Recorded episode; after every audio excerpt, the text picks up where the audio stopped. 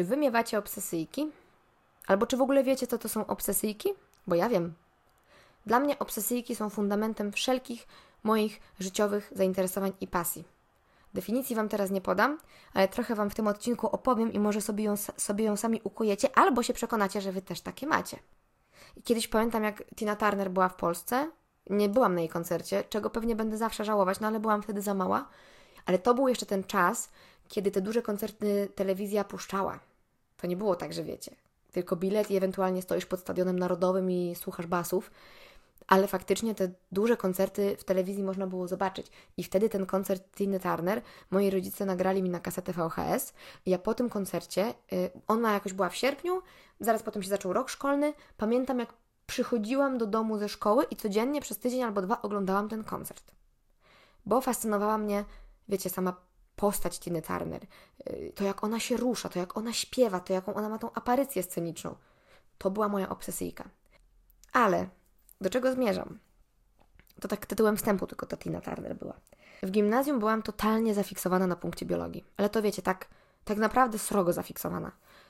Olimpiady, konkursy, uczenie się biologii e, wszędzie, weekendy. W trzeciej gimnazjum wespół w zespół z, z, moją panią profesor od biologii doszłyśmy do wniosku, że ponieważ już przerobiłam cały program gimnazjum, to właściwie mogłabym pójść na fakultet dla liceum. W ogóle kumacie, jak to, jak to w ogóle brzmi teraz, nie? Ja uważam, że to był super plan i super decyzja, ale komu w gimnazjum chciałoby się iść na jakieś lekcje do liceum? Nie wiem, czy to jest takie częste. Moja pani profesor z biologii w ogóle była, to tak nawiasem Wam powiem, cudownym człowiekiem, absolutnie cudownym, pięknym człowiekiem. Naprawdę to była osoba o takiej, o tak pięknej duszy i tak światłym umyśle, że życzyłabym Wam, żebyście na swojej drodze w życiu spotykali takich ludzi jak ona, bo Oj, to jest człowiek, któremu ja chyba powinnam poświęcić w ogóle osobny odcinek a propos tego, co Wam może zrobić dzień i całe życie. I wyobraźcie sobie, że w samym, w samym środku tej mojej e, fascynacji biologią zdarzył mi się koncert.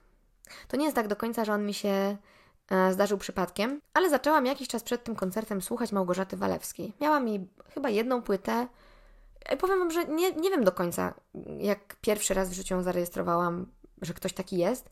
Kiedyś moja babcia przyniosła mi płytę, potem z moją koleżanką słuchałyśmy jakichś nagrań. Ona nagrała płytę z Rubikiem, a wtedy Rubik był na fali, więc jakoś tak poszłam za ciosem. Tak, klaskałam na Rubiku, przyznaję się, klaskałam na Rubiku. I wcale się tego nie wstydzę. Faktycznie było, było tak, że ja tej płyty słuchałam, słuchałam, słuchałam i strasznie mi się podobało, jak ona śpiewa. Dla mnie ten głos był absolutnie przepiękny.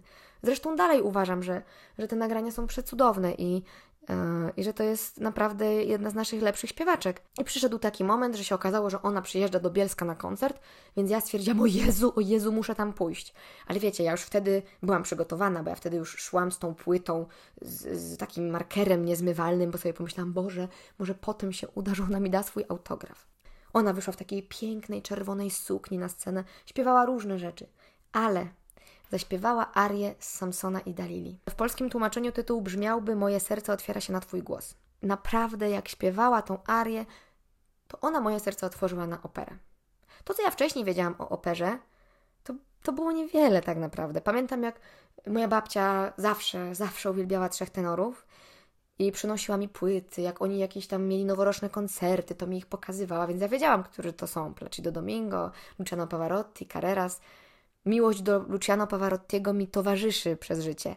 Ale jak byłam dzieckiem i on śpiewał w telewizji, na przykład był jakiś koncert, taki wiecie, że on miał takie koncerty, że śpiewał z przyjaciółmi, więc leciało trochę rozrywki, trochę Luciano. I jak on śpiewał, to ja na przykład mówiłam mojej mamie, żeby mnie obudziła, jak ten pan skończy już, bo och, opera, och. Po tym koncercie Walewskiej zaczęła się moja obsesyjka operowa. Na czym to polegało? Po tym koncercie ja słuchałam tej płyty, notabene podpisanej, bo udało mi się wtedy faktycznie dostać autograf Walewskiej. Ona nas, jak myśmy stały z tą moją koleżanką i czekały, aż ona wyjdzie może po koncercie, to ona nas zaprosiła do garderoby. Słuchajcie, ja myślałam, że się posikam po prostu w tej garderobie z wrażenia. A ona nam podpisała płyty i jeszcze, wiecie, ona ma taki głos postawiony i tak mówi, w ogóle fajnie. Ja ten długopis, którym ona pisała, schowałam do takiej puszki ze skarbami i mam, mam do dzisiaj ten długopis. Także wiecie, no po prostu naprawdę mózg mi zaparował. Potem były ferie, przez dwa, dwa tygodnie ferii słuchałam w kółko tej płyty, i po czym stwierdziłam, że będę śpiewać w operze. Tak jak stałam, tak stwierdziłam, wiecie co, ja jednak będę śpiewać w operze, mamo i tato. A u mnie w rodzinie nie ma tradycji muzycznych takich, wiecie, nikt nie jest po akademii, nikt nie jest praktykującym muzykiem, nikt na niczym de facto nie gra. No więc moi rodzice byli trochę w szoku, chyba. Nie no, byli w szoku. Co nie zmienia faktu, że opłacili mi lekcję śpiewu, bo ja przedstawiłam chyba całkiem rozsądny plan. Oczywiście nic z tego planu już jakby na ten moment widać nie wyszło, albo ziściło się, się w inny sposób. Ale wtedy było tak, że ja stwierdziłam sobie, a to, tą biotechnologię to może ja sobie zrobię jako drugi kierunek, no bo to tak z tymi śpiewakami nigdy nie wiadomo, wystarczy jedno zapalenie krtani i już, och, możesz no, do końca życia nie zaśpiewać e, właśnie Samsona i Dalili, och jej, och jej. W ogóle wyobraźcie sobie, jaka była moja rozpacz, w ogóle jaki człowiek był durny, jaka była moja rozpacz, jak poszłam na pierwszą lekcję śpiewu. I dowiedziałam się od mojej ówczesnej nauczycielki, że ja chyba nie jestem mezzosopranem jak Małgorzata Walewska, tylko że ja jestem sopranem. Ja sobie pomyślałam, o nie! Oczywiście cały świat pięknych sopranowych arii się dopiero przede mną miał otworzyć, mm, ale wtedy to faktycznie byłam taka trochę zawiedziona. Wiecie, ta moja e, obsesyjka zaowocowała tym, że uczyłam się śpiewu najpierw w liceum, potem uczyłam się śpiewu będąc na studiach w Krakowie y, prywatnie, a potem poszłam do szkoły muzycznej i skończyłam tę szkołę muzyczną. Cztery lata. To nie jest, wiecie, kurs. To jest normalna szkoła, taka, takie jakby drugie liceum. Z sprawdzianami, z egzaminem końcowym, z, z lekcjami. I łączyłam to z drugim kierunkiem studiów, i potem mm, przez pierwszy rok mojej pracy łączyłam to też z pracą. I jakoś się dało. Ale wiecie, ile miałam z tego frajdy? Wiecie, ta, ta obsesyjka zaowocowała właśnie tym, że zdobyłam kolejny zawód. Notabene dzięki muzyce w ogóle i dzięki tej mojej nauce śpiewu poznałam mojego męża. Dzięki tej szkole muzycznej powstał chór, w którym się do, do czasu pandemii czynnie udzielałam. Teraz jest mnie trochę mniej, ale wrócę. Tyle dobrych rzeczy mnie spotkało z powodu, kurczę, jednej Arii, z powodu tej mojej obsesyjki. I tak sobie pomyślałam w ogóle o tym odcinku, bo Wczoraj oglądałam wywiad z Krystyną Jandą. Stary wywiad, jakoś lat, z końca lat 90. I ona powiedziała w tym wywiadzie coś takiego, że przygotowując się do roli Callas, prawie cały rok słuchała właściwie tylko Callas. I jak usłyszała arię e, Lady Macbeth, to jakoś ją to poraziło. I użyła takiego sformułowania, że ją to właśnie dotknęło i że uważa, że jeżeli człowiek przynajmniej raz w życiu nie zostanie w taki sposób dotknięty sztuką, to to życie jest uboższe. Bo ona, jak przesłuchała tą Arię, to mówi, że wiedziała wszystko o postaci, co nam myśli, co czuje, jak wygląda. I ja to rozumiem. I mogę się zupełnie pod tym podpisać, że człowiek, który nie został nigdy w życiu dotknięty sztuką w taki sposób, naprawdę nie doświadczył jeszcze wszystkiego. Dlatego mm, to nie jest to, że ja Was teraz będę zachęcać, żebyście poszli, a może na taki koncert, a może na inny. To nie o to chodzi. Ale bardzo Was zachęcam do tego, żeby właśnie czasem podejść do tematu tak obsesyjnie trochę, kompulsywnie. Ja miałam takie zrywy, że na przykład potrafiłam przez wakacje obejrzeć 10-15 filmów z moimi ulubionymi aktorami, na przykład z Meryl Streep czy z Diane Keaton. Po prostu wyszukiwałam, gdzie tylko te filmy można zobaczyć, albo jeszcze wtedy wypożyczałam płyty. Jestem tak stara, że jeszcze wypożyczałam płyty. I oglądałam, jak sobie potem mogłam porównać, na przykład jak się tej osoby zmienił warsztat. Fajne dawało to taki obraz całościowy kogoś, kogo się lubi. Ostatnią, najnowszą obsesyjką jest Julie Andrews. Ja, ja nie wiem, jak to się stało. Jak ja żyłam bez niej tyle lat. Oglądałam y, dopiero ze 3 lata temu Dźwięki muzyki. I to jest taki film, który jak komuś mówię, nie widziałeś, a wiecie, ja na przykład jestem osobą, która nie widziała jeszcze wszystkich części Matrixa, nie widziała w całości Ojca Chrzestnego i tego to się akurat bardzo wstydzę, ale jak ktoś nie wiedział dźwięków muzyki, to mnie, jak to? Jak możesz nie oglądać takiego filmu? Bo dla mnie to jest coś kultowego, mimo że znam to od trzech lat. I naprawdę nie wiem, jak, czym w ogóle było moje życie bez Julie Andrews. Także to jest fajna rzecz bo pozwala nauczyć się człowiekowi myśleć kontekstem. Miałam na, na studiach, jak uczyłam się francuskiego, to mieliśmy zajęcia z tłumaczem, który nam nie robił tam jakichś ćwiczeń gramatycznych, czy nie kazał nam na przykład, nie wiem, znać absolutnie każdego słówka na wyrywki, ale przynosił nam na przykład długie artykuły, teksty, wycinki z książek, z gazet i tłumaczyliśmy to na lekcjach. Ten człowiek naprawdę nauczył mnie myśleć o języku kontekstem. I to jest akurat umiejętność, która się sprawdza w każdej dziedzinie życia.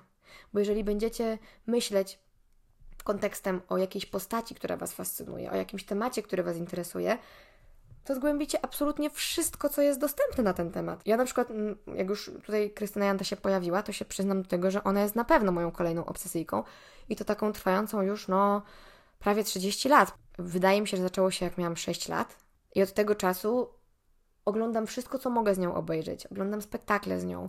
Słucham muzyki, którą ona wykonywała, wykonuje. Czytam jej książki i powiem Wam, że naprawdę czuję się przez to lepszym człowiekiem. Mądrzejszym. Myślę, że gdyby nie Krystyna Janda, to może bym nie obejrzała w liceum Człowieka z Marmuru. A obejrzałam. E, myślę, że gdyby nie Krystyna Janda, to na przykład nie przeżyłabym takiej, takiego olśnienia i fascynacji wierszami Pawlikowskiej, Jasnorzewskiej, które ona wykorzystała w e, spektaklu Dancing. A przeżyłam. Także to jest to myślenie kontekstem. kontekstem. Więc dzisiaj Wam polecam dwie rzeczy. Obsesyjki i myślenie kontekstem. Bo to pozwala się ubogacać. I to Wam zrobi dzień. Może nie po jednym dniu przeżywania takiej obsesyjki, ale na przykład po dwóch tygodniach już zauważycie korzyść i postęp. Powiedziałam, że to się zaczęło jak miałam 6 lat i powiem Wam, że ja do dzisiaj no nie mogę uwierzyć, no nie mogę uwierzyć, że moja mama pozwoliła mi wtedy ze sobą obejrzeć pestkę. Ja dlatego w ogóle o tym pomyślałam i właśnie o Krystynie Jandzie i o pestce, że oglądałam ten film wczoraj, czy przedwczoraj, przedwczoraj. Po znowu kilku latach nieoglądania go, a wracam do niego co parę lat, bo uważam, że to jest przesmutna, przeraźliwie smutna, ale zarazem absolutnie piękna historia.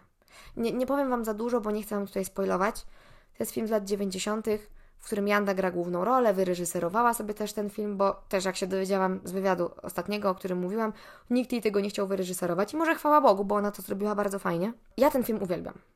Może on trochę się już ześniedział, może dzisiaj by został zrobiony inaczej, nie wiem. Bardzo ten film lubię. Nie powiem Wam za dużo, w każdym razie główny wątek jest taki, że jest romans ona, on, którzy są małżeństwem i ta trzecia. I tą trzecią właśnie gra Krystyna Janda.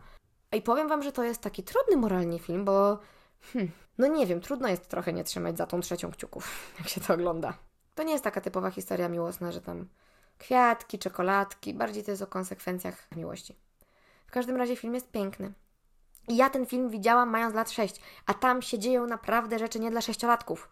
Estetycznie to spoko, ale tematy, które ten film porusza, to faktycznie są trudne tematy. Ale moja mama mi pozwoliła, bo moja mama też bardzo Krystynę Jandy lubi. A potem jeszcze widziałam jak zmarła Agnieszka Osiecka, to Magda Umer zrobiła taki koncert Zielono mi w Opolu. Ja na tym koncercie nie byłam. Nigdy nie byłam na festiwalu w Opolu, teraz to bym się nawet nie wybrała, bo to w ogóle z obraza dla tego festiwalu, co tam się dzieje, ale Zielono mi oglądałam w telewizji. Ja pamiętam ten koncert, on był przecudny. Zresztą później mi się go jeszcze udało obejrzeć kilkakrotnie w życiu yy, na archiwalnych nagraniach, ale wiecie, cała scena była w takim jakby zielonym bluszczu, w jakiejś takiej zieleni. I oni wszyscy na tej scenie cały czas siedzieli, wykonawcy, popijali jakiś kruszon. I na tym koncercie Krystyna Janda śpiewała na zakręcie. I wiecie, to było tak, że była tylko ta z tyłu zieleń i te niebieskie oczy Jandy. I te dwa kulturalne wydarzenia mnie w jej, w takim bałwuchwalczym do niej stosunku ukształtowały. Ja ją uwielbiam, jeżdżę na jej spektakle do Warszawy, czy gdziekolwiek ona się pojawi, czytam jej książki, słucham jej muzyki, tak jak Wam mówiłam. Wiele rzeczy dzięki fascynacji jej osobą zobaczyłam w życiu, zrobiłam, przeczytałam. Dlatego chcę Wam polecić te obsesyjki jeszcze raz. Fajnie jest móc powiedzieć w życiu, że się robi to, co się kocha, że się na przykład żyje z pasji, a wydaje mi się, że żadna pasja się bez takiej obsesyjki nie, nie zaczyna. Najpierw człowiek jest faktycznie taki, aż jak zakochany w jakimś temacie, że chciałby cały czas się tylko tym zajmować, nie może jeść, nie może spać, prawda? I ja na przykład myślałam cały czas, o Boże, opera, będę śpiewać, to tamto. Wiadomo, że w to wkracza codzienność. No i że nie da się śpiewać 24 godziny na dobę. Ale dzięki tej fascynacji śpiewaniem tyle rzeczy w życiu mnie dobrych spotkało. Więc polecam Wam. Polecam Wam te wszystkie obsesyjki. Polecam Wam bycie żywo zainteresowanym tym, co się wokół Was dzieje. Polecam Wam czytanie książek, tu powiem coś z własnego przykładu, tak wnikliwie, że na przykład idziecie ulicą z książką, chodnikiem, nie ulicą, idziecie chodnikiem z książką i wpadacie w krzaki. Zdarzyło mi się. To musiało komicznie wyglądać, ale zdarzyło mi się. Polecam Wam, bo tak mi się wydaje, może trochę to tak patetycznie zabrzmi, ale wydaje mi się, że w kontakcie z tym, co nas najbardziej rusza, najbardziej się zbliżamy do istoty swojego człowieczeństwa. I z tą myślą chciałabym Was dzisiaj zostawić. Trzymajcie się ciepło i do usłyszenia.